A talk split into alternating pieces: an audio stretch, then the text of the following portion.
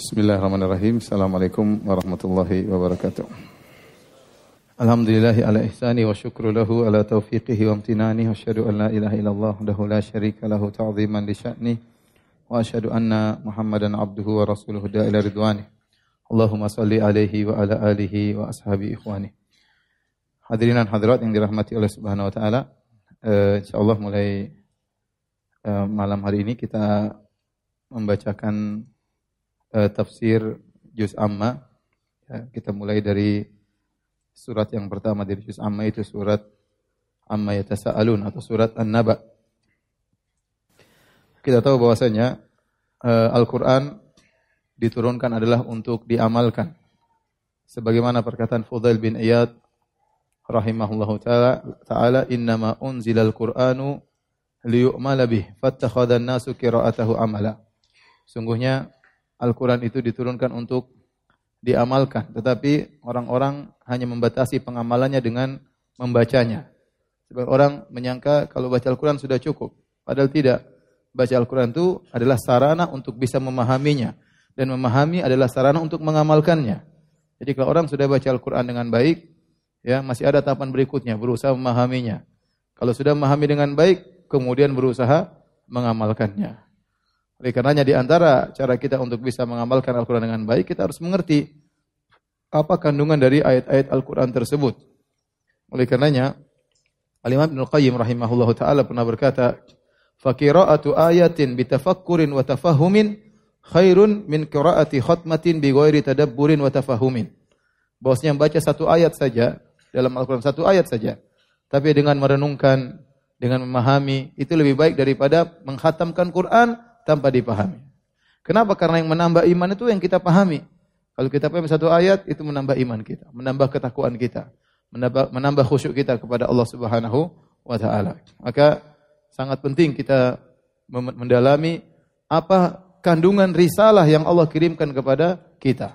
Allah Subhanahu wa taala menurunkan kitab kebahagiaan, kitab Al-Qur'an. Toha ma anzalna 'alaikal Qur'ana litashqa. Kami turunkan Al-Quran kepada engkau Muhammad bukan untuk kau sengsara, tapi agar kau bahagia. Nah bagaimana kita bisa bahagia dengan Al-Quran? Caranya kita berusaha memahami apa isi Al-Quran tersebut. Ya. Maka insya Allah pada malam ini, hari ini kita berusaha untuk memahami isi dari Al-Quran. Eh, sebelum saya masuk pada surat An-Naba, yang perlu saya ingatkan bahwasanya eh, kenapa kita memilih juz amma? Karena juz amma itu rata-rata sudah dihafal oleh kaum muslimin. Coba saya ingin tahu, yang sudah hafal juz amma angkat tangan. Satu. Tidak usah takut riak, juz amma aja riak. saya ingin tahu. Kalau hafal 30 juz baru riak. Juz amma coba yang sudah hafal angkat tangan. Bapak-bapak. Alhamdulillah, masih sedikit. 10% enggak ada. Setengah juz amma yang sudah hafal, setengah juz amma. Kul huwallahu ahad, ada yang sudah hafal? berusaha ya. Seorang sebelum meninggal dunia sudah hafal apa? Juz amma ya. Saya sering memotivasi kawan-kawan setiap saya ngisi pengajian tentang tafsir saya bilang usahakan hafal juz amma. Kalau kita punya hafalan juz amma itu akan mempengaruhi kehidupan kita. Kita naik mobil kita bisa ngulangi ya juz amma ya waktu kita bermanfaat ya. Tapi kalau kita nggak punya hafalan ya susah ya. Kita pun sholat sunnah pun semangat, sholat tahajud juga semangat. Kenapa ada hafalan yang kita hafalkan? Tapi kalau kita nggak punya hafalan, mau sholat malam juga gimana gitu. Mau jadi imam, istri jadi makmum juga gimana? Bacanya tiga kul terus ya. Tambah empat kul, kuliah ayuhal kafirun ya. Mas kok baca itu terus? Ini surat yang Abi sangat cintai. Oleh karenanya Ya, ikhwan, harus ada waktu untuk bisa menghafal apa? Juz amma. Anak kecil sekarang sudah hafal, masa kita nggak bisa hafal? Saya pernah menyampaikan perkara ini pertama kali saya buka juz amma di suatu tempat di Anud. Saya ngisi pengajian di Al Azhar eh, di Sumarekon. Kemudian akhirnya ada seseorang yang tertarik. Setelah dia menghafal tinggal tiga surat, dia bilang Ustaz Alhamdulillah. Sejak Ustaz bilang itu, saya sudah hafal juz amma kecuali tinggal tiga surat. Kecuali tinggal tiga surat. Dan belum selesai memang. Saya berharap kalau selesai juz amma, dia sudah hafal juz juz amma. Jadi insya Allah ya, yang mau hafal juz amma angkat tangan. Yang mau. Yang mau aja ragu-ragu, yang mau. Saya ulangi, yang mau hafal juz amma angkat tangan. Yang penting niat dulu. Juz amma, apa dulu? Juz amma. ya, insya Allah ya. Bertekad. Kalau kita tekad, insya Allah Allah kasih jalan. Taib. Juz amma ini penting. Kenapa? Karena isinya banyak masalah iman. Menggugah keimanan tentang hari akhirat, tentang hari pembalasan, tentang neraka, tentang surga. Subhanallah ini sangat penting untuk kita kehidupan sehari-hari yang kita sering lupa dengan akhirat, tenggelam dengan dunia, selalu mengejar dunia, yang dicari fulus-fulus terus, ya. Maka kalau kita punya hafalan juz amma, kita akan teringat terus, ditegur terus oleh hafalan kita, ditegur terus oleh Allah Subhanahu wa taala. Dan juz amma ini kenapa juga? Karena sering dibaca di masjid-masjid. Nah, kalau kita sudah tahu tafsirnya, kita jadi makmum enak. Kita dengar imam baca, kita tahu maksudnya. Ya, kita tahu maksudnya. Ya ayyuhal insanu ma gharraka bi karim. Apa maksudnya? Kalau kita tahu tafsirnya enak. Oh maksudnya begini. Ya. Kalau kita nggak tahu maksudnya ya sudah. Ya. Al qari atau mal qari wa ma adraka mal qari. Apa maksudnya nggak tahu. Baca saja ya. Oleh karenanya ini penting agar kita lebih khusyuk dalam salat ya karena yang sering dibaca oleh imam adalah surat-surat juz amma. Taib. An-Naba kita masuk surat An-Naba. Surat An-Naba ya adalah surat Makkiyah. Uh, Makkiyah dan Madaniyah, Makkiyah adalah surat-surat atau disebut ayat Makkiyah. Surat Makkiyah adalah surat yang turun sebelum Nabi berhijrah. Adapun surat Madaniyah adalah surat yang turun setelah Nabi berhijrah. Terkadang dalam satu surat ada ayat yang Makkiyah dan ada ayat yang Madaniyah. Dalam satu surat terkadang ada ayat Makkiyah, ada ayat Madaniyah. Ya. Nanti akan kita dapati ayat-ayat tersebut seperti surat uh, apa uh, seperti dalam surat Al-A'la surat Makkiyah tetapi ada ayat qad aflaha man tazakka sungguh beruntung orang yang ditafsirkan oleh sebagian ulama sungguh beruntung orang yang bayar zakat sementara zakat tidak diwajibkan kecuali di mana di Madinah sehingga mereka mengatakan semua ayatnya Makkiyah kecuali ayat ini contoh ya seperti itu Contoh surat Al-Mutaffifin nanti kita dapatkan. Wailul mutaffifin alladzina idza iktalu 'ala nas yastawfun. Celaka orang-orang yang mengurangi timbangan. Kata mereka ini ayat madaniyah. Karena Nabi menegur orang-orang yang tidak jujur dalam timbangan. Tetapi topik berikutnya tentang orang-orang kafir berarti Makkiyah. Jadi terkadang dalam satu surat ada sebagian Makkiyah, ada sebagian apa? Madaniyah. Saya ulangi, apa itu Makkiyah? Bukan yang turun di Mekah, bukan. Apa itu Madaniyah? Bukan turun di Madinah, tetapi Makkiyah itu namanya tempat tetapi untuk membedakan fase zaman. Namanya Makkah, tapi bukan berarti turun di Mekah, tapi maksudnya turun sebelum Nabi berhijrah. Disebut surat Madaniyah, ini istilah para ulama, bukan berarti turun di Madinah, tetapi turun setelah Nabi berhijrah. Contoh ada ayat turun di Mekah, tapi dia Madaniyah. Contoh firman Allah, Al-yawma akmaltu lakum dinakum, wa atmamtu alaikum ni'mati wa raditu lakum al-islam madinah. Ini ayat dalam surat Al-Maidah termasuk ayat yang terakhir turun. Turunnya di Mekah, Nabi lagi haji. Tetapi namanya ayat Madaniyah. Kenapa? Karena dia turun setelah Nabi berhijrah. Lokasi turunnya di mana? Di Mekah. Tapi namanya ayat apa? Madaniyah. Paham? Itu. Contoh firman Allah, "Idza jaa jaa nasrullah wal fath." Jika telah datang pertolongan Allah kemenangan. Tatkala Nabi menaklukkan kota Mekah, turunnya di Mekah, tetapi di ayat Madaniyah karena turun pada tahun 8 Hijriah setelah Nabi berhijrah 8 tahun. Taib. Adapun surat An-Naba, maka dia surat Makkiyah. Seluruhnya surat apa? Ayat-ayatnya seluruhnya apa? Makkiyah. Kita mulai ya. Uh, amma yatasaalun. Tentang apakah mereka saling bertanya? Anin naba'il azim ya. Tentang berita yang besar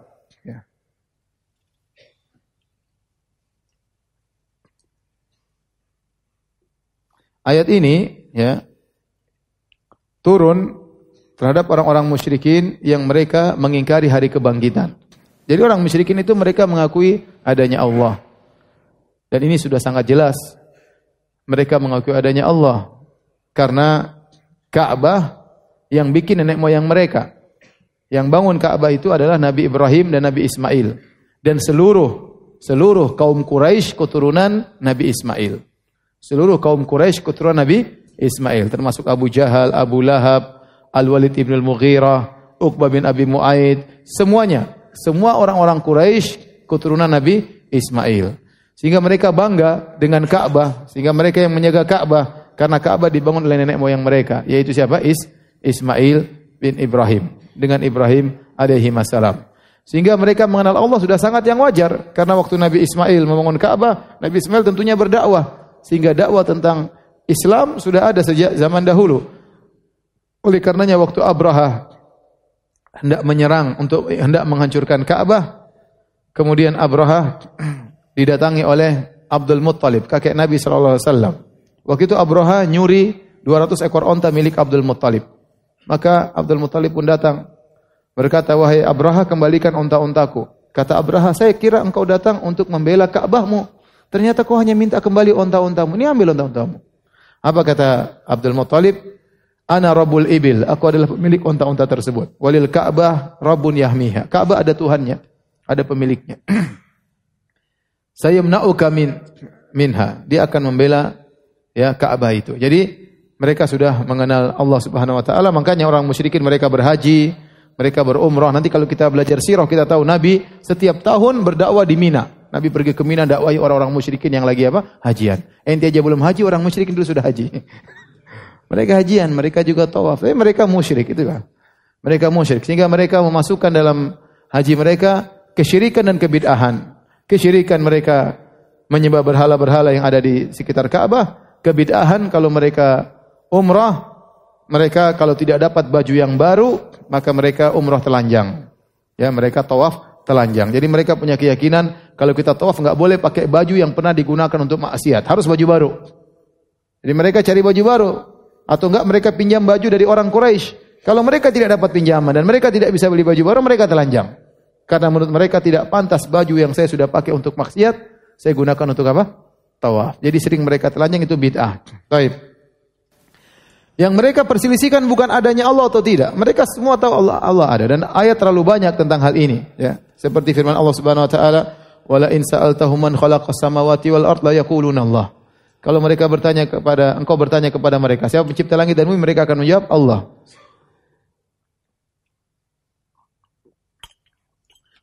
Wala in sa'altahum man khalaqas samawati wal arda wa sakhkhara syamsa wal qamar la yaquluna Allah. Kalau engkau bertanya kepada mereka, wahai Muhammad, siapa yang ciptakan langit dan bumi? Siapa yang perjalankan matahari dan rembulan?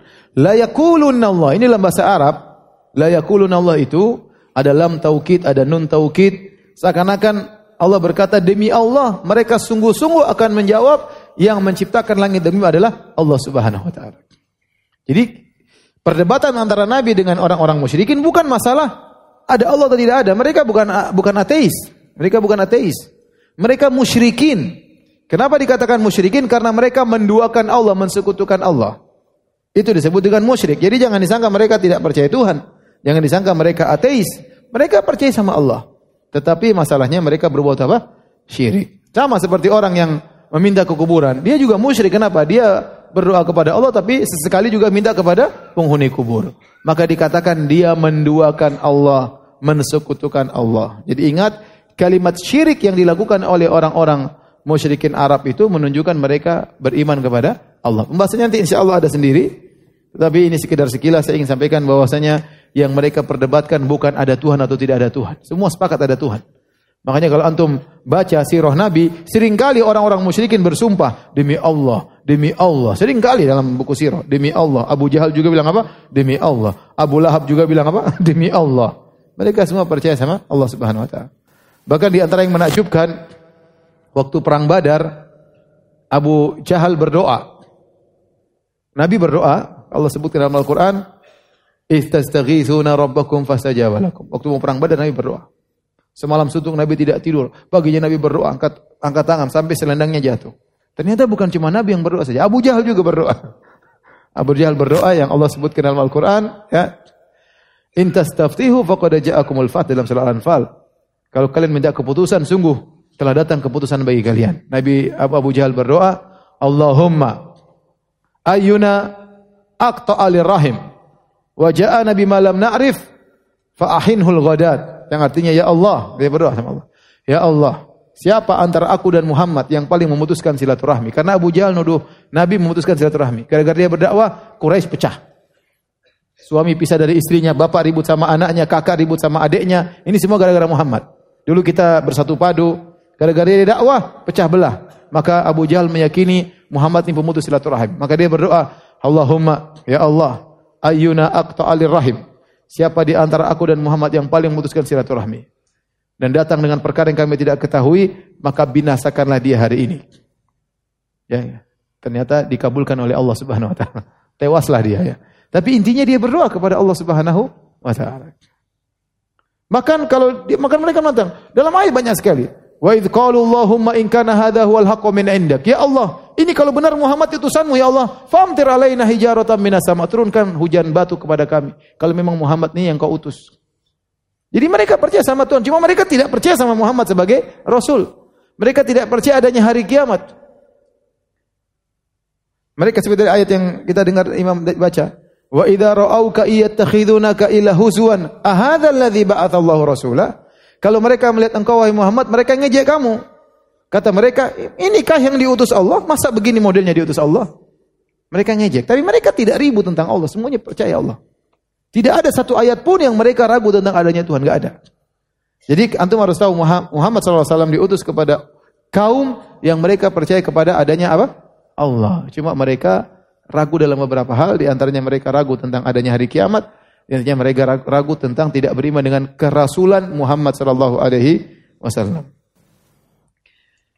Kata Allah, "Ani naba'il azim, amma yatasaalun." Ya, apa yang sedang mereka pertanyakan. Jadi ada isu besar di kota Mekah waktu itu. Isu apa yang sedang mereka bicarakan? Anin naba'il azim tentang berita agung. Apa berita agung tersebut? Di sini ada uh, tiga pendapat.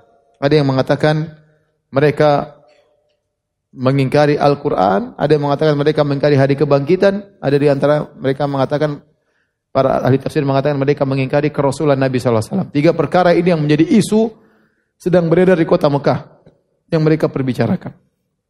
Yang mereka debatkan, yang mereka diskusikan. Jadi buah bibir di kota Mekah.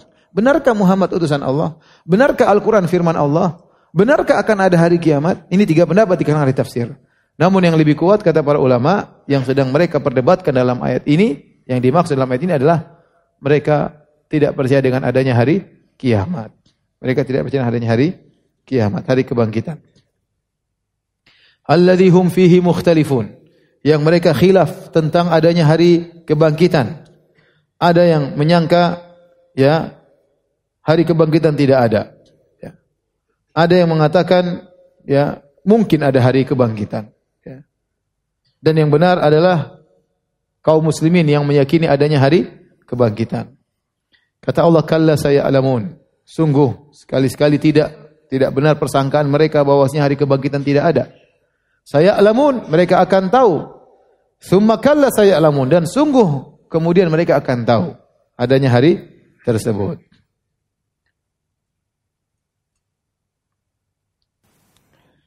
Kenapa kata para ulama ya? Kenapa orang-orang kafir Quraisy tidak mau percaya sama hari kiamat? Karena mereka tidak mau diminta pertanggungjawaban. Ah, kalau kita percaya hari kiamat repot. Kita mau begini haram, begini haram, begitu haram. Ah, enggak ada lah. Dan itu syahwat itu membentuk akidah. Syahwat itu mempengaruhi akidah seseorang. Betapa banyak orang tidak mau masuk Islam. Kenapa? Repot masuk Islam. Bir haram, pacaran haram. Saya nggak mau masuk Islam. Sunat lagi, aduh, enggak lah. Jadi dia tidak mau digituin, dia nggak mau masuk Islam akhirnya. Dia nggak mau masuk Islam. Sama orang kafir kenapa tidak mau percaya sama hari kiamat? Karena konsekuensi dari perkara hari kiamat mereka akan dimintai pertanggungjawaban oleh Allah dan mereka tidak mau. Wa qala alladziina la yarjuna liqa'ana dan berkata orang tidak berharap bertemu dengan kami. Ya, mereka tidak mau bertemu dengan Allah Subhanahu wa taala. Mereka tidak mau adanya hari kebangkitan, enggak mau. Kenapa mereka tidak meyakini? Karena syahwat mereka. Jadi syahwat itu mempengaruhi keyakinan apa? Seseorang. Keyakinan seseorang. Sehingga dia punya akidah karena dibangun di atas syahwat dia. Maka setelah itu ya uh, jadi Allah bantah, apakah kehidupan seperti itu saja? Ya, jadi apakah semua terjadi tanpa ada pertanggungjawaban? Kalau kita tidak usah jadi nggak nggak usah kita kuasai kota. Misalnya ada ke, kepala RT aja, tapi dalam RT-nya itu ribut sana berkelahi dan dia diam-diam saja. Dia tidak bertanya, dia tidak menyelesaikan masalah, dia tidak minta pertanggungjawaban. Ini RT pintar apa RT bahlul? RT bahlul. Ini kalau ada Tuhan ciptakan makhluk sebanyak ini, yang satu zalim, yang satu membunuh, yang satu dibunuh, satu dibohongin, satu membohongin, satu merampas, satu dirampas, satu diperkosa, satu memperkosa. Terus begitu saja hilang. Tidak ada pertanggungjawaban. Kalau Tuhan begini modelnya, Tuhan bahlul. Kita aja manusia kalau ada yang model seperti kita katakan ini pemimpin gak beres begini. Masa dibiarkan begitu saja tidak ada pertanggungjawaban? Nah, apakah kehidupan alam semesta ini begitu aja berlaku tanpa ada pertanggungjawaban? Gak mungkin. Pasti ada satu hari namanya hari kebangkitan dan kita semua akan dimintai pertanggungjawaban atas apa yang kita lakukan. Kemudian Allah berfirman setelah itu Allah menjelaskan tentang kekuasaan Allah. Jadi kalau kita belajar tafsir, kita bagi surat itu menjadi beberapa paragraf. Paragraf pertama sudah selesai. Amma yatasaalun 'anil naba'il 'azim alladhi hum fihi mukhtalifun kalla sayalamun thumma kalla sayalamun. Sudah satu paragraf. Sekarang paragraf baru. Allah jelaskan tentang keagungan Allah Subhanahu wa taala. Alam naj'alil arda mihada. Bukan kami, bukankah kami telah menjadikan bumi hamparan? Mihada. Ya. Mihada, antum melihat halaman 21. Dalam sebagian kiroah dibaca dengan mahdan. Mahdan, yaitu kasur yang disiapkan untuk bayi agar bayi tersebut tidur di atasnya. Mihadan artinya mumahadan. Jadi bumi itu diciptakan Allah dengan fasilitas Allah siapkan. Bukan Allah ciptakan bumi seperti planet Mars. yang tidak ada isinya, tidak apa-apanya. Tidak. Allah ciptakan bumi mihadan, ay mumahadan. Dengan disiapkan ada gunungnya, ada sungainya, ada pohon-pohonnya, ada bahan tambangnya yang dibutuhkan dalam kehidupan manusia. Seperti bayi yang lahir sudah disiapkan apa? Kasurnya tinggal ditaruh, enak. Ya. Ya manusia tinggal olah sedikit saja. Tapi semua sudah di disiapkan. Ya. Jalan apa gunung mudah didaki, tanah landai mudah dilewati, ya. Semuanya sudah disiapkan oleh Allah Subhanahu wa taala. Allah sebutkan kenikmatan tersebut. Aku yang menciptakan ini semua kata Allah. Alam naj'alil arda mihada. Bukan kami yang telah menjadikan bumi terhampar dengan mudah untuk ditempati. Ya. Subhanallah bumi ini begitu indah ya. Begitu apa? indah ya. Dan mudah untuk ditempati segala prasarana ada, ya. semuanya tersediakan ya. Kemudian wal jibala autada. Dan bukankah kami telah menjadikan gunung-gunung sebagai autat? Autat itu pasak. Secara bahasa artinya pasak. Kalau kita mau bikin kemah, bikin kemah, kita kan di ujungnya kasih tali, kemudian kita paku kayu atau pasak kita paku, baru kita ikat supaya kuat. Jadi paku tersebut harus masuk dalam. Mungkin kalau pakunya uh, 10 cm, kita masukkan 7 cm. Tinggal 3 cm yang buat ngikat. Lebih banyak yang masuk di dalam daripada yang buat ngikat. Itu tidak. Jadi Allah menamakan gunung dengan pasak 1400 tahun yang lalu. Ketika belum ada teknologi. Dan benar ternyata gunung itu punya akar menjulang ke dalam. Bukan cuma naik ke atas, dia juga punya akar menjulang ke ke dalam. Ya fungsinya untuk mengkokohkan. Makanya dengan adanya gunung, bumi tidak bergetar. Di antara fungsi apa? gunung. Karena gunung dijadikan pasak oleh Allah Subhanahu wa taala. Mungkin orang lihat gunung itu bukan pasir yang Allah timbun aja di atas rrr, gitu enggak. Bukan batu yang Allah cuma taruh di atas bumi begini enggak, tapi dia menjulang ke dalam.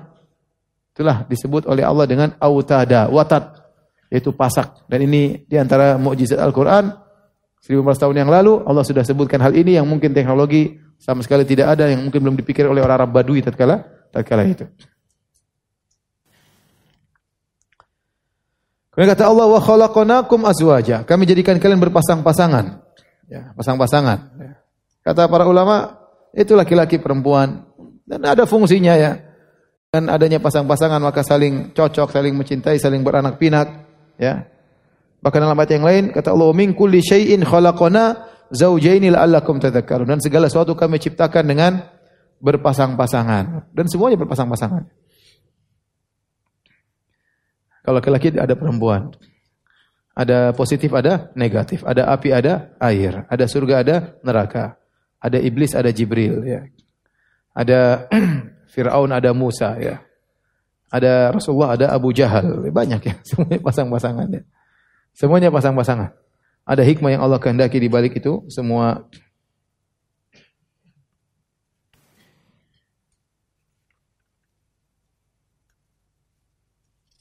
Antum udah ngantuk kah? Hah?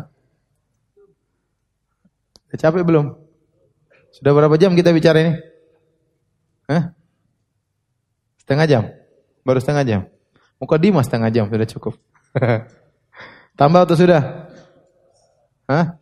Terus ya?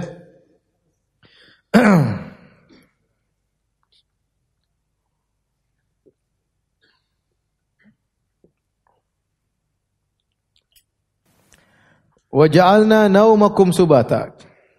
Allah sebutkan nikmat-nikmat yang Allah berikan kepada mereka orang-orang Quraisy. Kami jadikan tidur kalian ya sebagai untuk istirahat. Dalam ya, wa ja'alna laila libasa. Kami jadikan malam sebagai pakaian bagi kalian ya. Jadi Allah menciptakan manusia letih kemudian dia ngantuk. Dan itu nikmat. Orang kalau sudah letih terus tidur, tidur itu paling nikmat. Lebih nikmat dari segalanya.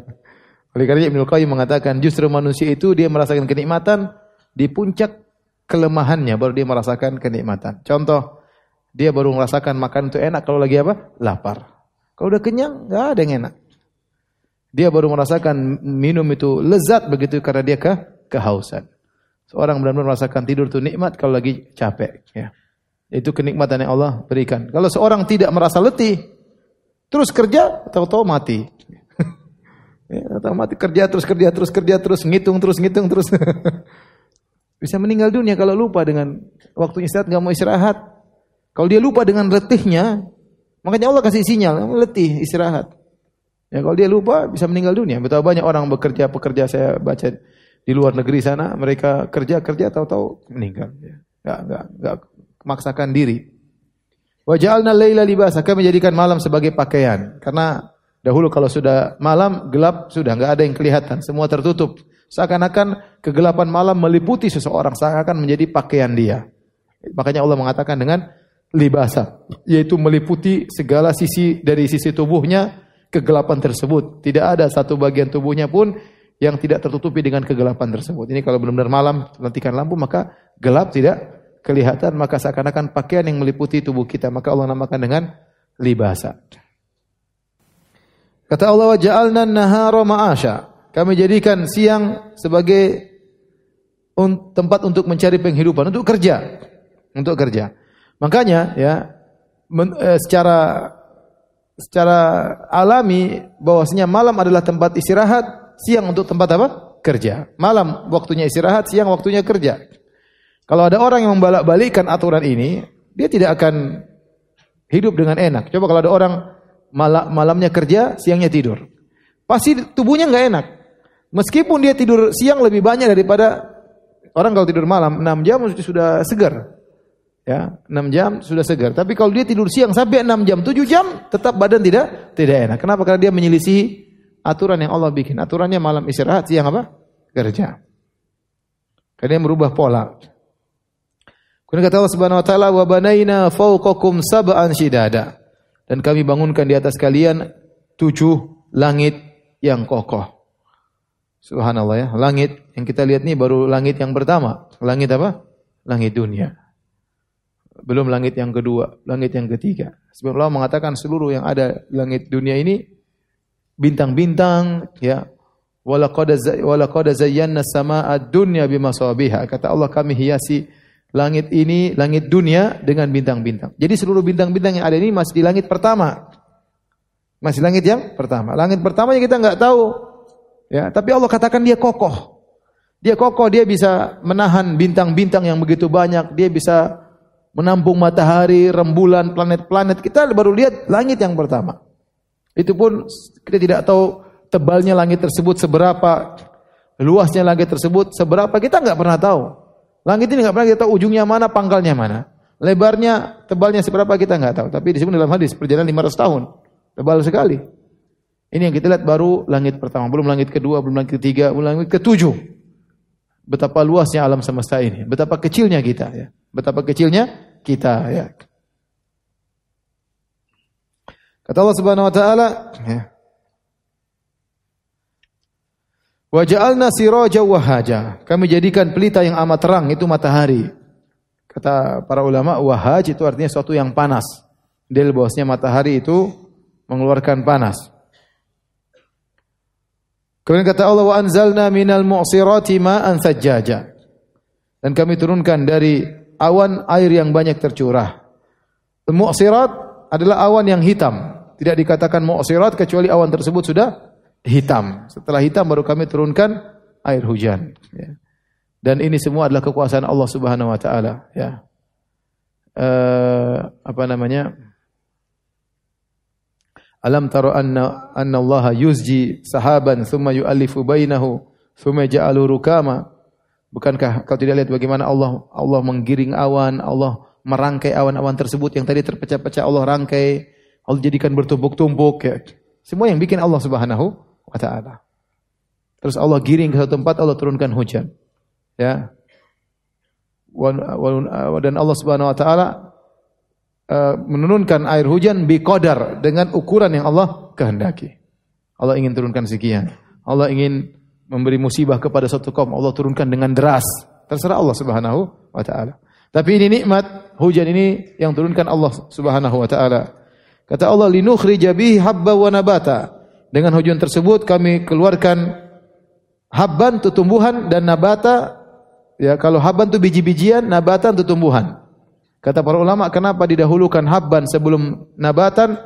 Karena kebutuhan manusia terhadap biji-bijian lebih besar. Karena itu makanan pokok seperti adas, seperti beras ya. Nah, ini disebut dengan habban ya. Korma disebut dengan habban. Adapun nabatan seperti sayur-sayuran, pepohonan, buah-buahan ya maka didahulukan penyebutan habban karena lebih didahulukan oleh dibutuhkan oleh manusia. Kemudian kata Allah wa jannatin alfafa dan kebun-kebun yang lebat ya. Itu semua anugerah dari Allah Subhanahu wa taala tidak terjadi dengan sendirinya tapi semua sudah diatur oleh Allah Subhanahu wa taala. Seakan-akan Allah berkata, "Wahai orang-orang Quraisy, ini semua nikmat yang saya berikan kepada kalian, yang kalian sadari bagaimana gunung, hujan, semuanya itu kami yang bikin. Kalau kami ingin membangkitkan kalian mudah. Dan mati dibangkitkan lagi mudah. Ini semua kita bisa bikin. Apalagi sekedar membangkitkan kalian. Mudah, prosesnya nggak susah. Bukankah membuat bumi nggak susah? Di mata kita susah. Bumi dihamparkan dengan fasilitasnya, hujan diturunkan, pepohonan, buah-buahan, tumbuh-tumbuhan. Matahari ini semua nggak gampang. Menurut kita bagi Allah semuanya gampang. Sebagaimana membuat ini semua gampang di sisi Allah, maka membangkitkan kalian juga mudah pada hari kiamat kala. Itu maksud dari paragraf yang sedang kita baca ya. Sampai sini aja ya. Saya sudah capek masalahnya. ya, nanti lanjut lagi ya. Boleh? Boleh dah? Ya sudah demikian saja. Subhanakallah bihamdik asyhadu an la anta Assalamualaikum warahmatullahi wabarakatuh.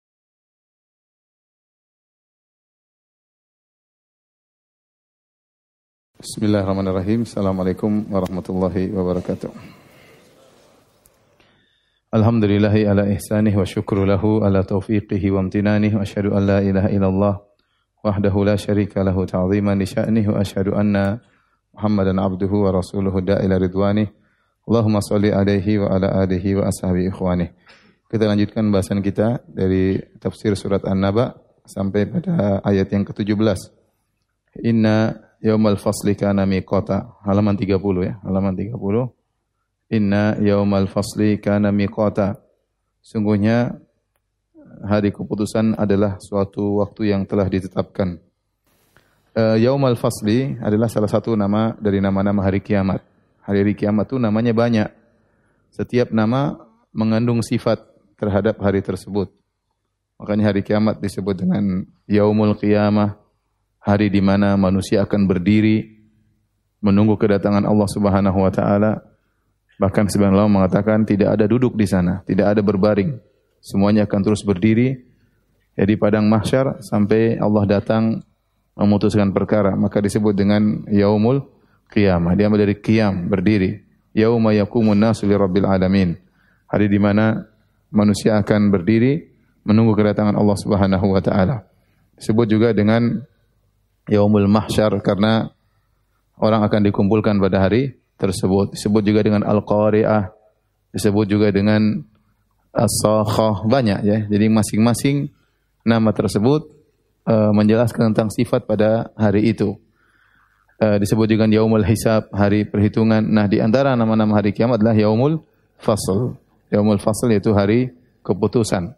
Karena pada hari tersebut akan diputuskan segala uh, perkara ya atau disebut dengan hari pembeda membedakan antara hak dan batil. Hari kiamat akan dibedakan antara hak dan batil. Pada hari kiamat akan dibedakan antara penghuni neraka dengan penghuni surga. Kata Allah Subhanahu wa taala fariqun fil jannah wa fariqun fis sa'ir. Sekelompok di surga dan sekelompok masuk neraka. Maka pada hari tersebut segala atribut akan dilepas. Segala jabatan akan dilepas. Tidak ada kaya miskin lagi. Yang ada cuma penghuni neraka atau penghuni apa? Surga, ya.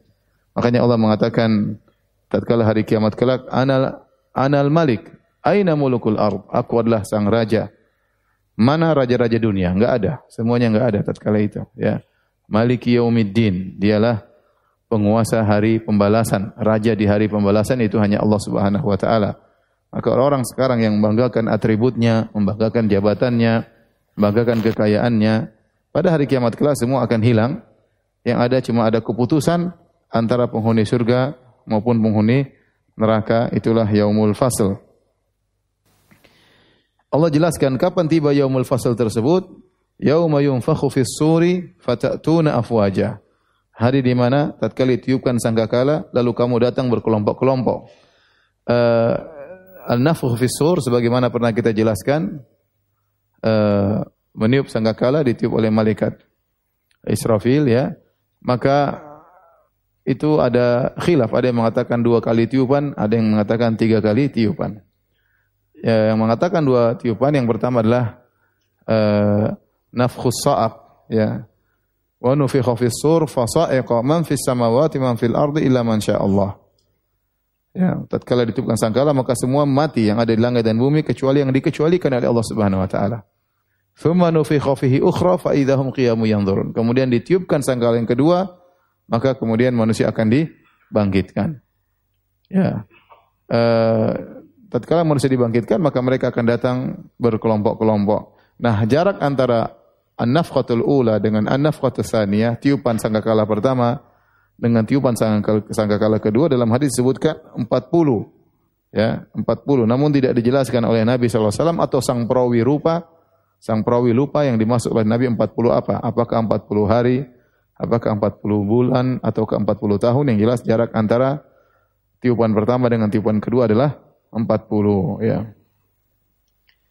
Eh, di situlah kemudian faidahum qiyamu yanzurun manusia ya dibangkitkan dari kuburannya fatatuna afwaja kemudian datang berkelompok-kelompok setelah itu Allah berfirman, "Wa futihatis sama'u fakanat abwaba." Maka tatkala itu, tatkala ditiupkan sangkakala, ya, maka langit yang sekarang kita lihat tertutup akan terbuka pintu-pintunya, akan kelihatan ada pintu-pintunya.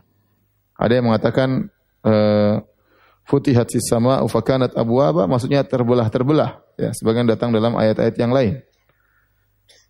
Dan uh, tatkala langit dibuka pintu-pintunya, maka malaikat akan turun ya dalam jumlah yang sangat banyak karena di langit ada malaikat yang menghuninya ya.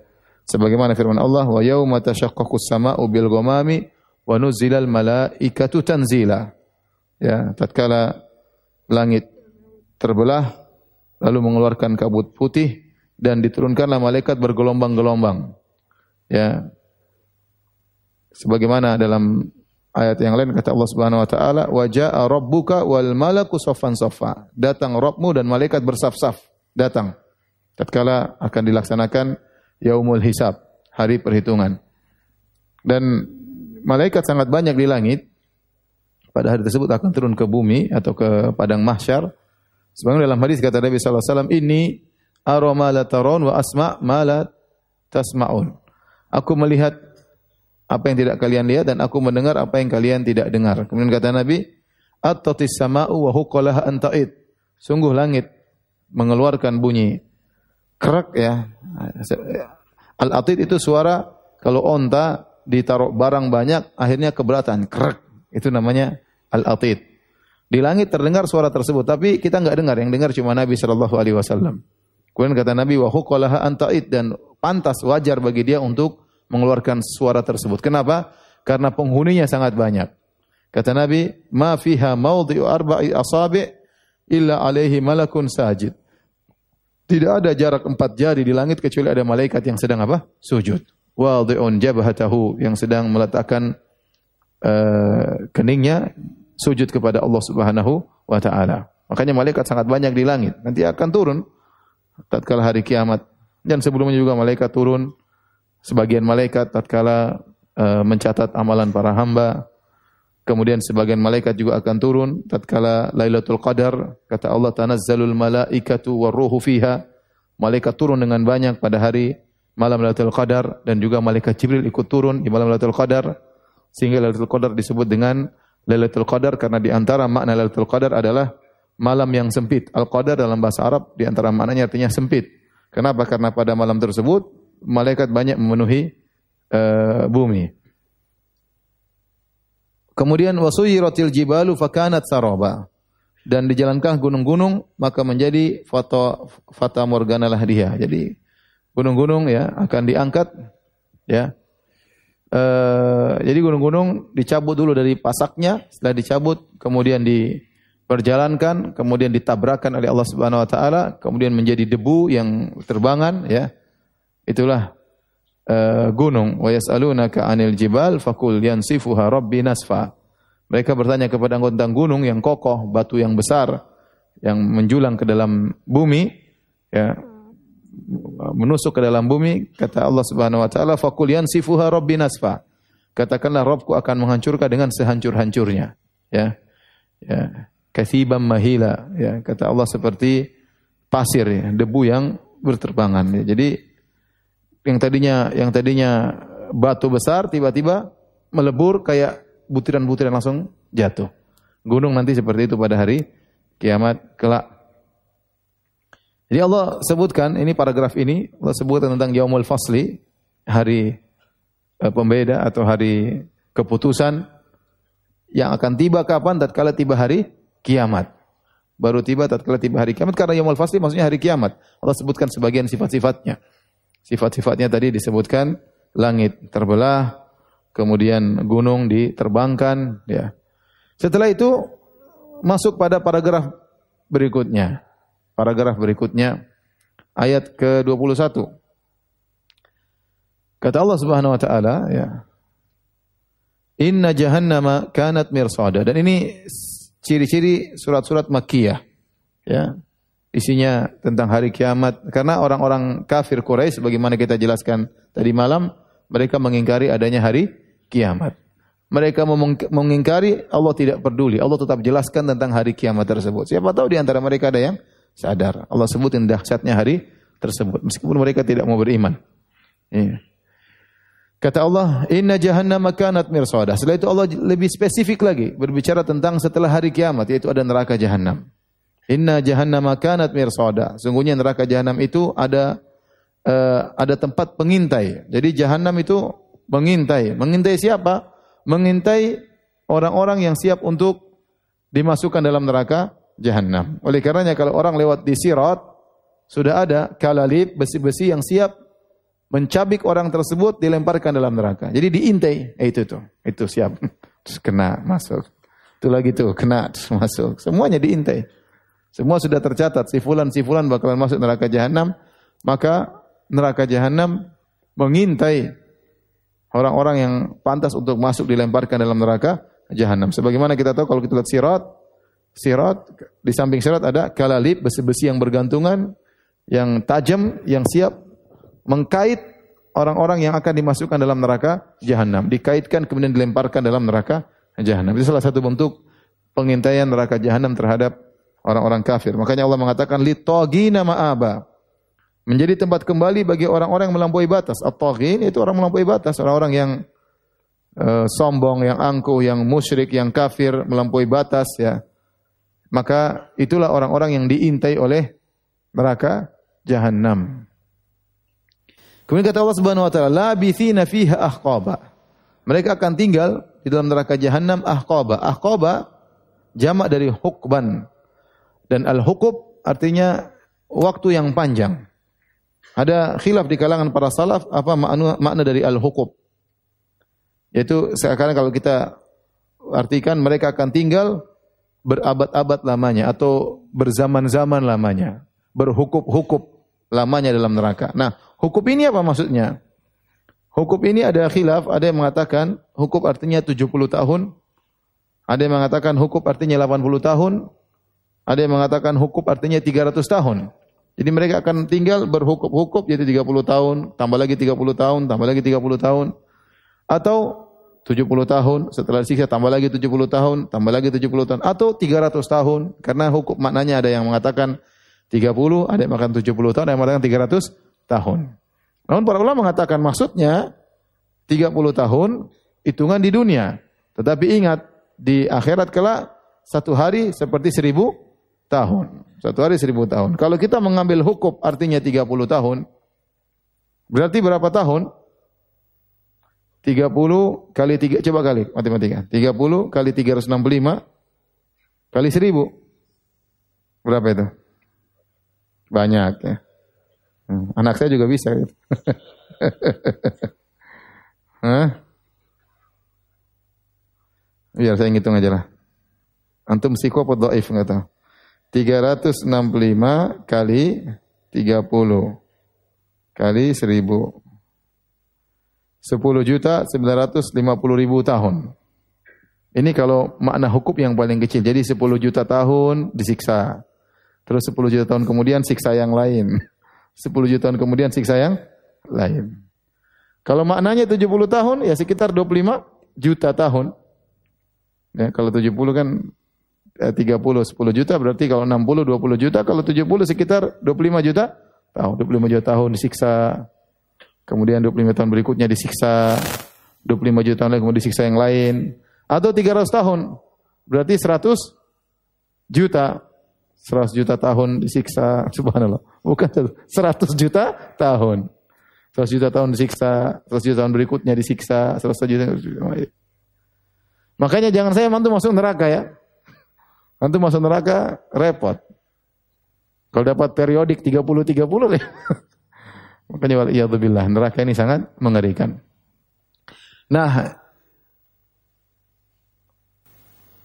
ini maksudnya ahqabah di situ maksudnya. Ada pembahasan tapi saya tidak ingin bahas di sini masalah akidah. Tapi intinya intinya bahwasanya uh, ahqabah di sini bukan menafikan khalidina fiha.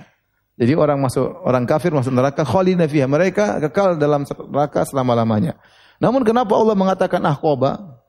Maka ditafsirkan oleh para ulama maksudnya setiap periodik itu siksaannya tersendiri.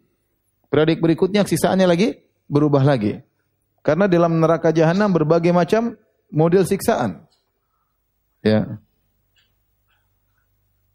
Berbagai macam siksaan dan tidak ada yang mengisi siksaan Allah Subhanahu wa taala, ya. Uh, jadi ini maksudnya akhaba kumpulan zaman-zaman berapa lama mereka siksa enggak berhenti-berhenti, tetapi mereka disiksa secara periodik. Ada yang mengatakan 10 juta tahun, 10 juta tahun berikutnya, 10 juta tahun berikutnya karena akhirat tiada penghujungnya. Adapun kalau orang Islam yang dimasukkan dalam neraka jahanam pelaku maksiat, maka mereka ada batasan waktunya. Tetapi pembahasan kita ini tentang, tentang orang kafir karena ayat ini surat Makkiyah turun konteksnya khitabnya pembicaraannya kepada orang-orang musyrikin apa? Mekah. Ya, musyrikin Mekah. Dan mereka tahu nama makna hukum itu waktu yang lama. Makanya Allah ingin mengatakan kalian tuh bukan hukum yang disiksa bukan cuma sehukum tapi berhukup-hukup dan tiada berhentinya. Khalidina fiha abada, kekal dalam neraka selama-lamanya. Uh, jangan sampai kita seperti orang-orang Yahudi Lihat halaman 37. Orang Yahudi berkata apa? Wa qalu lan tamassana naru illa ayyaman ma'duda. Orang Yahudi itu pede. Mereka pede masuk surga. Kalaupun mereka tidak masuk surga, masuk neraka, kata mereka cuma sebentar. Jadi orang Yahudi kan mereka yakin masuk surga. Ya, makanya Allah mengatakan, "Qul ya ayyuhalladzina hadu in za'amtum annakum awliya'u lillahi min dunin nas, fatamannawul mauta in kuntum shadiqin." Katakanlah Muhammad kepada orang Yahudi, kalau kalian merasa kalianlah wali-wali Allah yang lain bukan, karena orang Yahudi merasa mereka sya'bullahil mukhtar, mereka adalah bangsa pilihan, bangsanya Tuhan. Tuhan itu Tuhannya Yahudi. Tuhan memang untuk orang Yahudi saja ya. Dan mereka merasa pasti masuk surga. Maka kata Allah, katakanlah kepada mereka Muhammad, suruh minta mati kalau memang mereka yakin pasti masuk surga. Suruh minta mati. Ya udah, berdoa sama Allah, ya Allah matikan kami agar segera masuk surga. Ngapain setengah mati di dunia? Ya. Kata Allah, wala yatamannawnahu abadan. Mereka tidak bakalan pernah minta mati karena mereka sadar mereka banyak melakukan apa? maksiat. Ya. Jadi perbuatan mereka, pernyataan mereka tidak sesuai dengan kenyataan. Pernyataannya pasti mau surga, tapi kalau disuruh minta mati, nggak berani. Ya.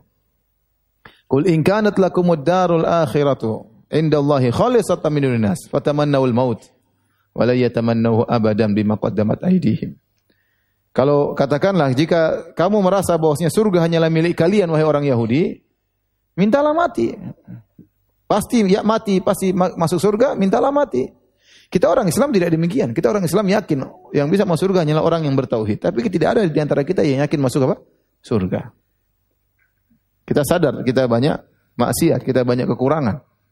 Tetapi orang Yahudi merasa pasti masuk surga. Tapi kalau disuruh minta mati nggak berani. Tetapi mereka mengatakan sombongnya mereka, kalaupun kita masuk neraka cuma sebentar. Ya. Lan tamassana naru illa ayyaman ma'duda. Kami hanya disentuh neraka cuma beberapa hari. Keyakinan seperti ini masih diyakini sampai sekarang. Saya punya kawan di Australia, dia kerja sama orang Yahudi. Subhanallah mereka ngobrol terkadang masalah akidah. Kata orang Yahudi bosnya tersebut, kita ini kalau masuk neraka cuma sebentar, beberapa hari. Teman saya ingat, persis seperti di Al-Quran. Persis seperti di Al-Quran. Mereka meyakini kalau masuk neraka cuma beberapa hari. Kita bilang taruhlah sesuai dengan keyakinanmu cuma beberapa hari. Ingat satu hari seribu tahun. Ya siapa yang kuat tahan seribu tahun disiksa? Jadi orang miskin aja seribu tahun setengah mati. Apalagi disiksa. Ya, ini orang sekarang sakit aja sebulan terkapar di, di rumah sakit menderita. Sampai banyak orang mau mati, mau bunuh diri. ya Karena nggak kuat menawan, menahan. Padahal cuma begitu. Apalagi di, itu tidak disiksa, cuma sakit. Apalagi kalau disiksa beberapa hari, berarti beberapa ribu tahun ya. Waliyadzubillah.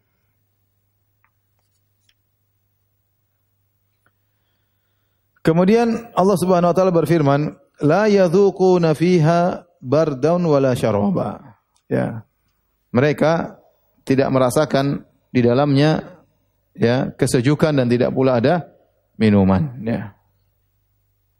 Itu mereka akan merasakan panas luar biasa. Eh, sebagian ulama mengatakan ahqaban di situ, jadi eh, kata Allah Subhanahu wa taala ya, labithina fiha ahqaban mereka akan tinggal dalam neraka jahanam ahqaban dalam waktu yang lama la yadhuquna fiha bardan wala syaraba. Yang dalam waktu yang lama tersebut mereka tidak merasakan kesejukan dan juga tidak ada air minum. Illa hamiman wa ghassaqa, kecuali air yang sangat panas dan nanah ya.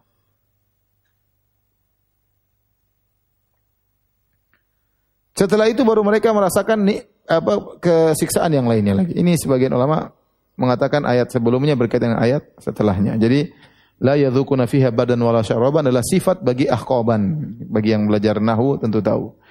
Taib. Illa hamiman wa ghassaqa. Mereka tidak akan merasakan minum, tidak akan merasakan kesejukan yang mereka minum hanyalah air yang sangat panas dan ghassak yaitu nanah ya. Dan nanah tersebut disebutkan adalah nanah yang sangat dingin. Nanah yang sangat. Jadi penghuni neraka jahanam itu disiksa dengan dua model, disiksa dengan sangat panas dan sangat dingin. Jadi jangan disangka bahwa neraka cuma panas doang, ada juga dingin yang sangat menyiksa. Ya. Makanya dalam hadis, istaqatin naru ila rabbiha. Neraka mengeluh kepada Robnya. Faqalat, neraka berkata, "Ya Rabbi, akala ba'dhi ba'dhan." Sebagianku makan sebagian yang lainnya. Fa'adhin laha, fa'adhina laha binafasain. Maka Allah pun mengizinkan neraka dengan dua hembusan, nafasin fi syita wa nafasin saif. Hembusan di musim dingin, hembusan di musim panas. Fahu asyaddu ma tajidu minal har wa asyaddu ma tajidu minal zamharir. Dan itulah yang kalian rasakan yang sangat panas dan kalian rasakan yang sangat dingin. Sebenarnya mengatakan ya bahwasanya musim panas, musim dingin itu salah satu dampak dari hembusan api neraka. Hembusan api neraka. Bahkan ada yang mengatakan matahari itu salah satu dari uh, sebagian secuil dari neraka jahanam. Karena musim panas berkaitan dengan matahari dan matahari salah satu cuplikan dari apa? Dari neraka jahanam. Ya, kalau kita dekat kayak apa? Itu jauh aja kayak begitu, apalagi kalau dekat. Belum neraka jahanam ya. Intinya di neraka siksaan hamiman artinya air yang sangat panas, gosakon nanah yang sangat dingin ya. Kalau orang dimasukkan dalam kulkas ya. dingin atau tidak? Sekarang aja kita pakai AC kedinginan. Ya, apalagi kalau kita tinggal di negara-negara yang empat musim. Di Madinah saja kalau pernah saya sempat kalau nggak salah dua derajat, uh, dingin luar biasa. Sampai ada yang meninggal, anak-anak yang nggak kuat meninggal ya. Nah, sekarang alhamdulillah ada pemanas. Kalau zaman dulu kayak apa? Enggak ada pemanas, mau cari kayu bakar, terlambat cari kayu bakar, kedinginan, apa namanya? meninggal dunia, ya. Itu baru minus dua. Belum di sebagian negara Eropa sampai minus 15. Masya Allah. Kayak apa? Orang bilang kalau orang keluar, dia nggak pakai tutup telinga, telinganya bisa beku, kalau dikutik teleng lepas. kalau alam benar atau tidak ya. Kalau saking apa? Dinginnya ya. Dingin banget ya. Dingin, belum anginnya yang kita nggak bisa gerak kadang-kadang ya. Dingin banget ya. Wajah ini udah kayak kayak es batu ya. Jadi kaku ya. Saya pernah keluar pada, pada waktu itu cuma uh, dua derajat, dua derajat Celcius. Saya keluar di salah satu tempat di Eropa. Kemudian angin dengan angin yang dingin dibilang dengan angin jadi minus empat kalau nggak salah atau rasanya seperti minus empat itu sudah nggak kuat kayak apa ya jadi memang tersiksa dengan dingin yang sangat juga membuat orang tersiksa. Bagaimana lagi dinginnya di neraka jahanam. Ustaz kok bisa digabungkan antara dingin dan panas? Bilang bisa. Ya sebelah sana panas, sebelah sini dingin mudah bagi Allah Subhanahu wa taala. Kulkas saja kan begitu. Kita buka dalamnya dingin, belakangnya apa? Panas. Allahu ala kulli syai'in qadir. Allah Maha Kuasa atas segala sesuatu. Taib, jadilah minuman orang-orang kafir ya. Kata Allah, jazaan wifaqa. Balasan yang setimpal bagi mereka. Setimpal ya. Karena mereka tidak tahu diri. Sudah dikasih kenikmatan, tidak mau bersyukur kepada Allah, masih menyembah selain Allah Subhanahu wa taala. Tidak tahu diri, Allah yang berikan mereka segala prasarana, berikan mereka kenikmatan yang mereka sembah. Ada yang menyembah nabi, ada yang menyembah pohon, ada yang menyembah malaikat, ada yang menyembah sapi, Ya, ada yang menyembah matahari. Mereka berbuat syirik kepada Allah Subhanahu wa taala. Antum bayangkan disuruh minum air panas ya. Yang ya kalau mereka apa namanya minum faqat am'a'ahum maka perut mereka akan hancur. Ini mereka kata para ulama, mereka ini saking hausnya waktu di padang mahsyar, Fi yaumin kana miqdaru khamsina alf sana di padang mahsyar mereka suruh berdiri 50 ribu tahun. Jarak matahari jaraknya satu mil. Mereka kepanasan kelaparan. Orang kafir itu kepanasan kelaparan. Setelah mereka ribuan tahun kehausan, keringat bercucuran, enggak mati-mati, merasakan kehausan yang amat-amat sangat. Begitu dimasukkan dalam neraka jahanam, mereka haus, mereka minta minum, ya. Minta minum kepada Allah Subhanahu wa taala. Allah kasih air panas. Mereka tahu itu panas, tapi karena sudah saking hausnya, mereka tetap apa? Minum. Ibarat orang tatkala uh, morfin ya, kecanduan ya. Tahu ini bahaya, tapi dia tetap aja dia harus apa namanya belah-belah tangannya, kemudian hisap darahnya. Dia tahu ini sakit, tapi dia sudah bagaimana lagi? Tidak bisa, harus harus dia minum, harus dia minum. Sama orang kecanduan rokok, udah tahu itu hisap api, tapi ya segimana lagi? Udah tahu bakalan sakit, tetap aja gimana lagi harus apa? Isap isap rokok ya. Ya. Saya kadang nggak habis pikir, kenapa orang bisa merokok ya? Apa yang buat mereka ingin merokok? Coba, coba tanya sama antum perokok, coba tanya. Yang yang merokok coba tanya pada diri sendiri. Pertama kali saya merokok kenapa? Apa coba yang motivasi saya untuk merokok? Enggak ada. Bikin habis duit, masukin asap dalam apa? Perut, dalam dalam eh, paru-paru ya. Intinya enggak ada. Hanya dihiasi oleh setan Bikin fly juga tidak ya. Kalau bir kan mungkin ada bikin fly enak. Kalau rokok apa nggak ada. Cuma setan menghiasi bahwasanya orang yang merokok itu keren. Itu aja ya. Iklannya orang badan besar merokok begini. Ya itu iklannya. Ente kurus krempeng begini. Terus iklannya pemanjat gunung, iklannya terkesan kalau merokok gagah di depan cewek, dibiasi oleh setan semuanya itu. Kayaknya orang yang merokok, merokok lebih jantan daripada yang tidak merokok. Dari mana kaidah itu? Ilmiah juga tidak, Secara logika juga tidak, tapi itulah contoh bagaimana maksiat benar-benar dihiasi oleh setan. Ya. Kalau bir, oke okay lah, bir ada lezatnya, ada enaknya rasanya, ada mungkin fly, bikin hilang stres, macam-macam. Kalau rokok, apa? Jadi karena mereka sudah sangat haus, tidak ada yang bisa mereka minum, terpaksa mereka minum. Padahal mereka tahu itu akan menyiksa mereka. Akhirnya mereka wasukumaan hamiman mereka pun minum air yang sangat panas faqata am'ahum mencabik-cabik usus mereka. Nanah, nanah ini gimana minum nanah? Siapa yang kuat minum? Tapi enggak ada lagi. Haus mau diapain? Akhirnya nanah mereka minum yang sangat dingin udah masuk dalam diri mereka, sangat dingin menyiksa diri mereka karena dingin itu juga menyiksa. Siksaan bisa dengan kedinginan, siksaan bisa dengan kepanasan. Kata Allah Subhanahu wa taala, Innahum kanu la yarjuna hisaba. Mereka dahulu tidak berharap untuk dihisap. Ya. Kenapa mereka takut dihisap? Mereka mau nggak mau dihisap. Aida mitna wa kunna turaban. Kalau kami sudah mati, sudah jadi tanah, apa kita akan dibangkitkan lagi? Ya, nggak mungkin kata mereka. Dan mereka tidak mau dihisap, nggak mau dihisap. Ya. Karena mereka tahu kalau mereka dihisap banyak sekali kemaksiatan yang mereka lakukan. Kata Allah, "Kadzabu bi ayatina kidzaba." Mereka telah mendustakan ayat-ayat kami dengan sedusta-dustanya. Wa kulla syai'in ahsainahu kitaba. Dan segala sesuatu telah kami catat dalam satu kitab. Semua perbuatan mereka enggak ada yang luput. Mereka enggak mau dihisap tetap dihisap.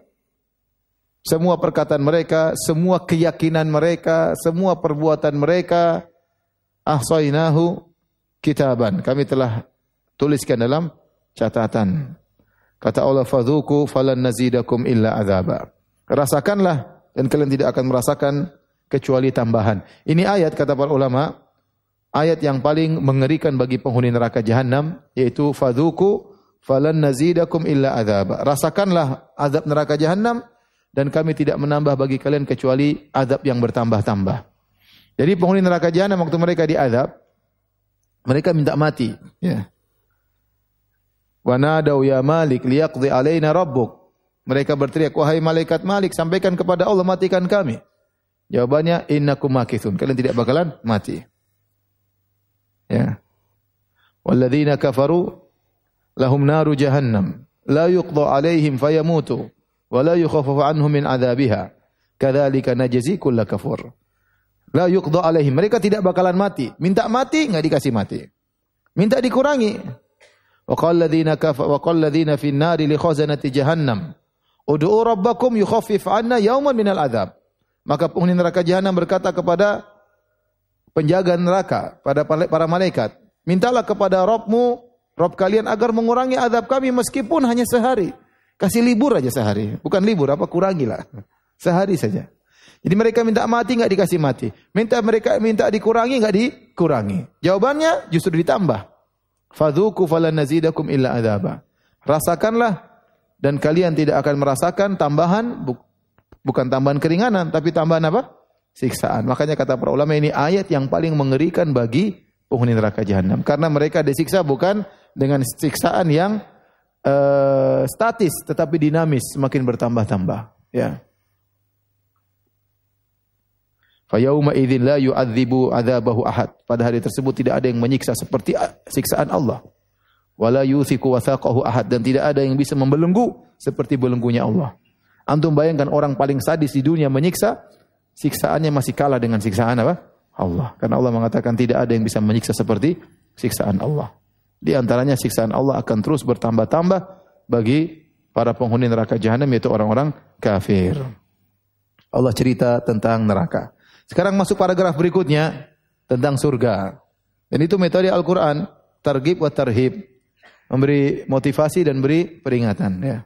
Itu harus kita contohi. Jadi kalau kita ceramah juga begitu ada motivasi, ada uh, peringatan, ada fadilah amal, ada eh, dosa-dosa uh, besar. Disampaikan ya, ada targhib, ada tarhib. Jangan setiap kajian selalu neraka terus. Nanti orang kafir mau masuk Islam gak jadi. Itu kajiannya neraka terus Ustaz. Ustaz. Mana surganya gitu. Kajian dosa besar terus. Semua mengeri ngeri ngeri ngeri semua. Orang nggak tertarik sama Islam kalau begitu. Harus ada targib dan apa? Tarhib. Hmm. Anak-anak juga gitu. Nak kamu jangan gini. Jangan. Selalu larangan. Keluar dari bapaknya sama ibunya. Larangan. Kamu nggak boleh. Haram, haram, haram. Kapan halalnya? Kapan motivasi? Kapan hadiahnya? Awas kalau nggak hafal Quran, Abi pukul. Awas kalau nggak ini, Abi. Oh. Harusnya kamu nggak hafal Quran, Abi pukul. Kalau kamu hafal Quran, Abi kasih apa? Hadiah. Begitu kan namanya, targib dan tarhib. Setelah Allah menyebutkan tentang neraka jahanam, Allah sebutkan tentang surga. Kata Allah, "Innalil muttaqina mafaza." Sungguhnya orang-orang yang bertakwa mendapatkan kemenangan, fauzan, aziman, kemenangan yang sangat besar. Mafaza, ya. Oleh karenanya, kesuksesan yang terbesar adalah sukses di akhirat. Ya, kata Allah, "Faman zuhziya 'anil nar wa udkhilal jannata faqad faz." Wamal hayatud dunya illa mata'ul gurur. Barang siapa yang dijauhkan dari neraka jahanam dan dimasukkan dalam surga, maka sungguh dia telah sukses. Ya, dia telah berhasil, dia telah menang. Wamal hayatud dunya illa mata'ul gurur. Dan tidaklah kehidupan ini hanyalah ya keindahan yang menipu. Kebanyakan orang mereka berlomba-lomba di dunia cari kemenangan, tapi urusan dunia. Lomba balap kuda lah, lomba apalah, lomba judi lah, lomba tinju lah, lomba bola lah. Mereka menang, bangga kalau menang dalam lomba-lomba tersebut. Semuanya lomba dunia, ya. Semuanya lomba apa? Dunia. Tetapi kemenangan yang sungguhnya adalah kalau di akhirat masuk surga. Percuma seorang sukses di dunia, ya lomba rumah bagus dia nomor satu. Paling kampung, di kampung dia rumah yang paling apa? Bagus. Lomba mobil bagus dia juara satu. Lomba istri cantik dia juara satu. Istrinya paling cantik. Bahkan empat istrinya. Ya. Semuanya dia menang. Tapi kalau di akhirat masuk neraka, percuma. Sejadi seorang di dunia kalah dalam perkara dunia. Dia mungkin paling miskin. Rumahnya mungkin paling jelek. Istrinya mungkin paling pas-pasan ya. Saya tidak bilang paling jelek, paling apa? Pas-pasan. Tapi kalau pas dilihat cantik, alhamdulillah. Jadi dunia dia nggak dapat, tapi di akhirat masuk surga dia yang menang. Dia yang menang. Itulah orang yang menang. Maka antum nanti kalau antum punya anak, antum lihat standarnya. Ya, bolehlah dia menang dalam urusan dunia, tapi agamanya bagaimana? Jangan sampai anak kita menang dalam urusan dunia, dalam agama dia terbelakang ya. Kata Allah hada'iqa wa anaba, yaitu bagi mereka surga. Bagi mereka adalah surga, ya. Mafaza maksudnya surga. Hada'iqa wa anaba, yang di surga tersebut ada hada'iq, yaitu hadiko hadiko. Hadiko itu kebun-kebun yang isinya berbagai macam buah-buahan. Hadiko ada buah ini, buah anu, buah ini macam-macam. Di antaranya wa anaba, di antaranya ada buah-buah anggur. Jadi kata para ulama, Allah mengkhususkan penyebutan a'nab, a'naba anggur, berarti ini buah anggur ini spesial di surga. Karena buah banyak ya. Allah mengatakan di surga ada buah-buahan yang banyak, di antaranya ada buah apa? Anggur. Ini buah yang spesial, anggur di surga. Setelah Allah menyebut tentang kenikmatan buah-buahan, Allah mengatakan bidadari wa kawaiba atraba. Ini mau dibahas atau tidak ini? Kayaknya sudah dibahas tahun lalu kan? Enggak usah dibahas lagi. Atroba maksudnya adalah uh, sebaya ya. Karena masuk surga umur sebaya 33 tahun. Di puncak-puncak muda, di puncak-puncak uh, segar-segarnya dan kuat-kuatnya, gesit-gesitnya umur segitu 33 tahun ya. Kemudian mulai menurun, menurun 40, kemudian menurun lagi, menurun lagi, akhirnya peot ya. Jadi dari semua sebaya ya, cantik-cantik semuanya ya. Kawaib ya sudahlah ya, nggak usah dibahas. Lagi puasa. Baca aja sendiri ya. Wa ka'san dan gelas-gelas yang penuh berisi minuman ya. Semua kenikmatan ada, bidadari ada, buah-buahan ada, minuman ada. anggur-anggur yang diminum ada, khomer-khomer yang lezat, semuanya ada. Ya, kenikmatan surga sangat banyak di luar dari khayalan kita. Di luar dari khayalan, khayalan kita. Oleh karenanya para hadirin, kata Allah Subhanahu wa taala, "Wa ma tuqaddimu li anfusikum min khairin tajiduhu indallahi wa khaira wa a'zama ajra." Kata Allah, apa yang kalian lakukan berupa kebaikan apa pun di dunia ini, min khairin, kebaikan apa pun, sekecil apa pun, tajidu tajidu indallahi akan dapati di sisi Allah nanti khairan wa a'zam, lebih besar. Lebih besar. Ya. Oleh karenanya, setiap kebaikan yang kita lakukan ini akan dibalas oleh Allah berlipat-lipat ganda sangat banyak. Saya kasih contoh saja, Nabi SAW bersabda, Rok atal fajri khairu minad dunya wa ma fiha. Dua rakaat salat fajar sebelum subuh, qobliyah subuh lebih baik daripada dunia dan seisinya. Kapan antum bisa menguasai dunia dan seisinya? Kapan? Apakah ada orang di dunia ini menguasai dunia dan seisinya? Enggak ada. Apakah ada raja yang menguasai dunia dan seisinya? Enggak ada. Raja mana yang pernah hidup di dunia ini menguasai dunia dan seisinya? Enggak ada. Sebutkan raja-raja yang pernah hidup. Mau Fir'aun, mau Sab Alexander bin Philips, ya. Al-Makedoni dan yang lain enggak ada. Semua raja enggak ada yang pernah menguasai dunia ini. Dunia dan seisinya. Antum kalau antum jadikan antum Allah jadikan antum sebagai raja, antum diberi umur 5000 tahun, antum tidak bisa menguasai dunia dan seisinya. Enggak mungkin. Pasti antum punya kelemahan. Tidak pernah dalam sejarah orang menguasai dunia dan seisinya. Tapi antum dengan sholat dua rakaat sebelum subuh, nanti antum jadi raja dunia dan seisinya. Di mana? Di akhirat kelak. Hanya sekedar dengan dua rakaat sebelum subuh. Ini dalil bahwasanya Dunia ini tidak ada nilainya dibandingkan dengan akhirat. Sedikit kebaikan yang antum lakukan di akhirat ini dibalas di dunia akan dibalas di akhirat dengan berlipat-lipat ganda. Maka jangan sampai waktu terbuang-buang. Ya. Jangan sampai waktu ter terbuang-buang. Ya Allah akan bidadari di luar bayangan antum. Minuman di luar hayalan antum. Semuanya sangat indah dan tidak bisa kita hayalkan. Ya. Tidak bisa kita hayalkan. Kata Allah, la yasma'una fiha lagwan wala kidzaba. Di surga mereka tidak mendengar perkataan sia-sia dan tidak ada kedustaan. Tidak ada hoax di surga. Enggak ada. Enggak ada lagu, enggak ada kata-kata sia-sia. Wala ta'thima dalam ayat yang lain wala ta'thima, tidak ada yang dosa, perkataan menyakitkan hati, tidak ada. Di Indonesia di Indonesia. di di Bekasi. Kita sering ngomong sama kawan, sesama ikhwan, terkadang dia menyinggung kita, terkadang dia menyindir kita, terkadang kita tersinggung, terkadang kita baper, terkadang dia yang baper. Sering kan begitu? Ya sering. Ya, nah, kita nggak bisa jaga omongan. Terkadang kita menyinggung orang, terkadang kita disinggung orang. Ada kata-kata yang menyakitkan, sindiran, apalagi makian, apalagi hinaan. Itu sudah makanan kita sehari-hari di di tanah air. Ya. Di akhirat kalau, kalau orang mau surga nggak ada kata-kata yang menyakitkan, nggak ada, nggak ada sindiran, nggak ada kata-kata yang nyelekit, yang menusuk hati, nggak ada. Semua kata-kata indah, semua kata-kata menyenangkan, semua kata-kata menggembirakan. Ya. Oleh karenanya kata Allah, la yasma'una fiha tidak ada kata-kata sia-sia, wala kidzaban, tidak ada dusta. Jazaa'an min rabbika ata'an hisaba. Sebagai balasan dari Rabbmu, pemberian ya yang cukup Cukup banyak, tidak ada kekurangan. Cukup. Di akhirat berlebih-lebihan. Tidak namanya kurang. Kita di dunia masih saja merasa kurang. Masih saja merasa orang memiliki kona'ah jarang. Susah manusia punya kona'ah, tapi dia ah saya merasa cukup. Sebenarnya kalau kita mau di dalam hati masih ada aja kekurangan. Sifat manusia. Mau dikasih rumah sebagus apa pun, kayaknya masih ada yang kurang. Mungkin ruangannya kurang banyak mungkin istrinya kurang banyak mungkin apa? Pasti aja kekurangan. Mau diapain? Ada punya kolam renang kayaknya kurang besar. Tidak ada namanya puas manusia. Ya, tapi kalau di surga atoan hisaba. Ya, pemberian yang memuaskan, yang cukup, enggak ada kekurangan ya, enggak ada kekurangan sama sama sekali.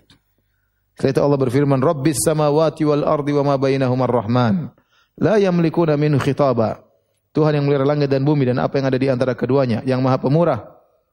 Mereka tidak dapat berbicara dengan dia. Ya.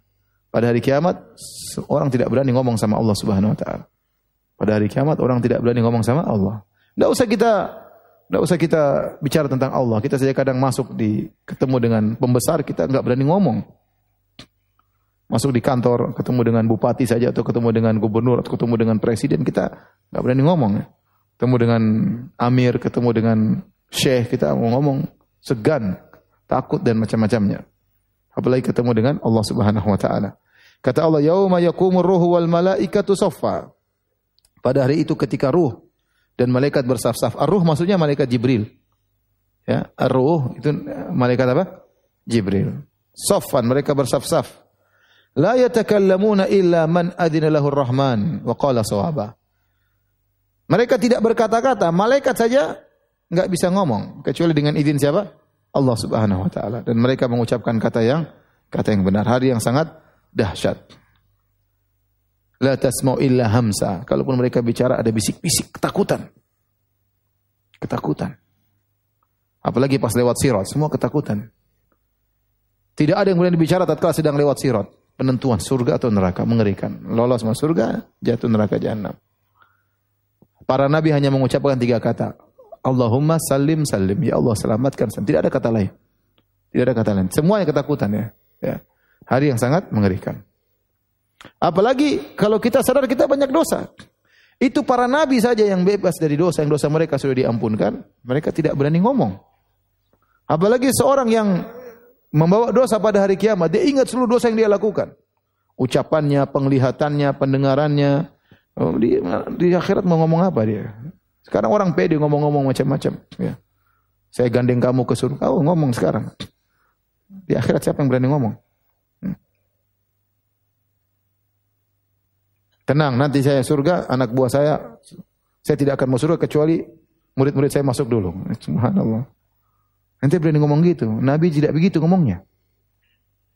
Nabi tidak ada yang ngomong kayak gitu.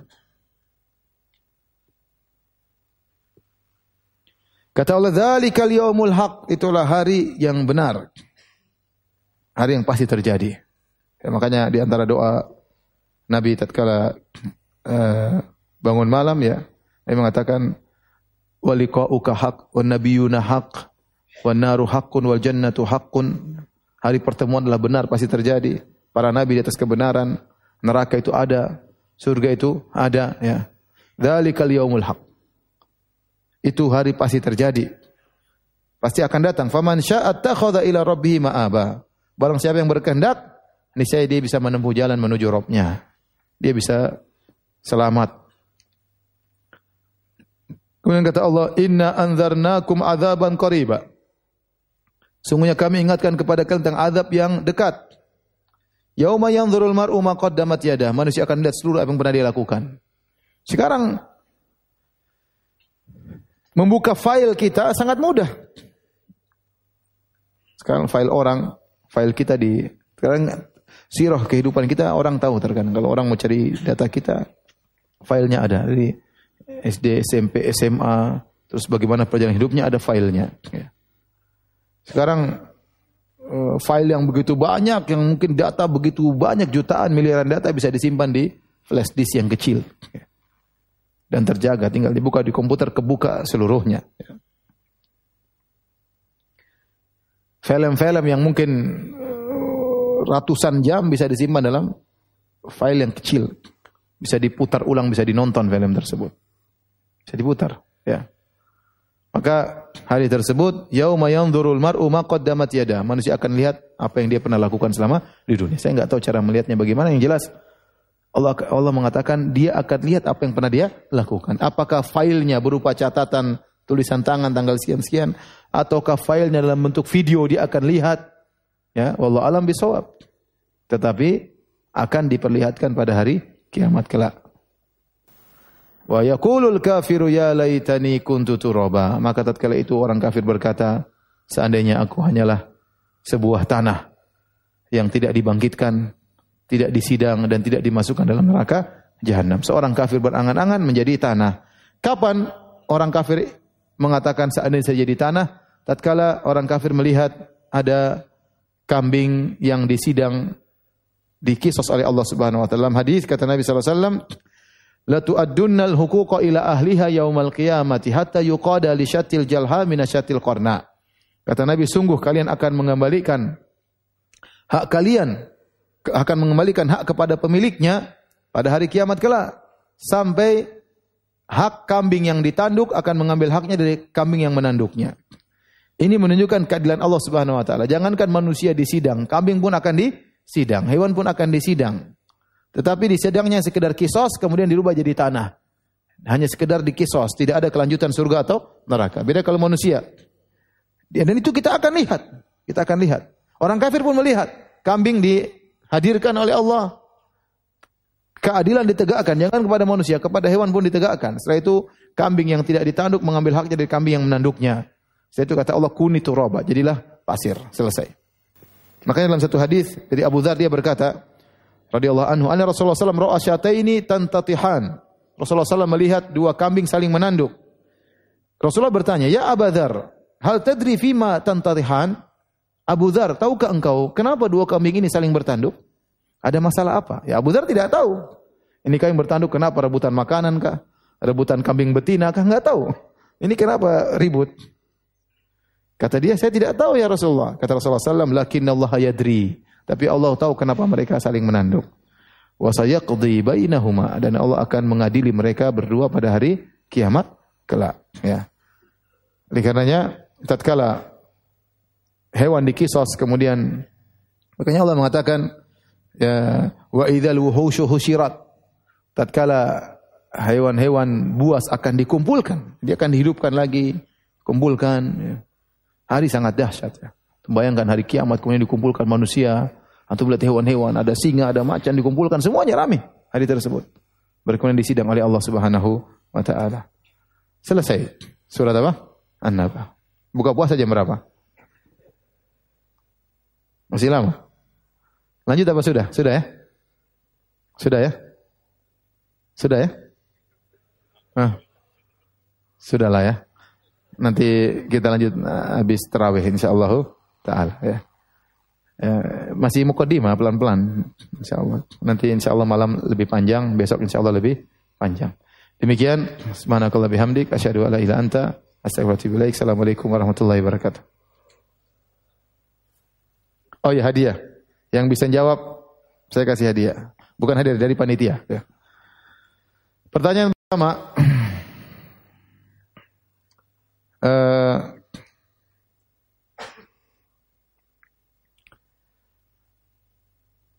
Apa maksudnya firman Allah Subhanahu wa taala dalam surat An-Naba?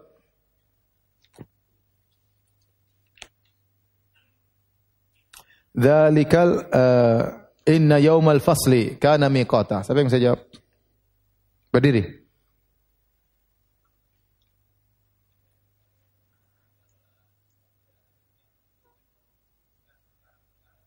Hmm. Yaumul fasli artinya apa? Lain makna lain hari pem, pembeda. Maksudnya gimana hari pembeda? Antara laki sama wanita. Antara apa lagi? Penghuni surga dan penghuni neraka. Masya Allah. Fadal. Ini bekal haji. Mudah-mudahan ente bisa naik haji.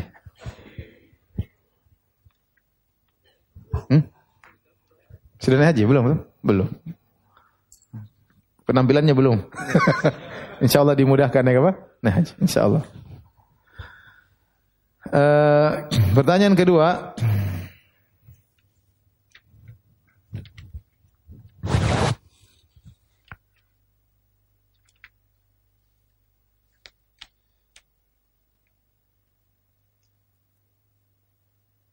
Saya bisa tafsirkan Fadhuku falan nazidakum illa adzaba. Rasakanlah kalian tidak merasakan kecuali tambahan siksaan. Ada yang bisa jelaskan? Antum berdiri coba. Maksudnya? Salam telah berkata. Maksudnya apa?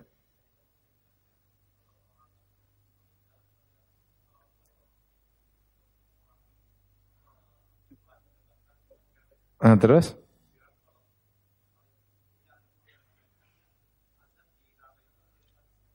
Masya Allah, silakan. Sudah naik haji belum? Belum ya? Mudah-mudahan jadi Pak Haji insya Allah. Baik, demikian saja. Assalamualaikum warahmatullahi wabarakatuh.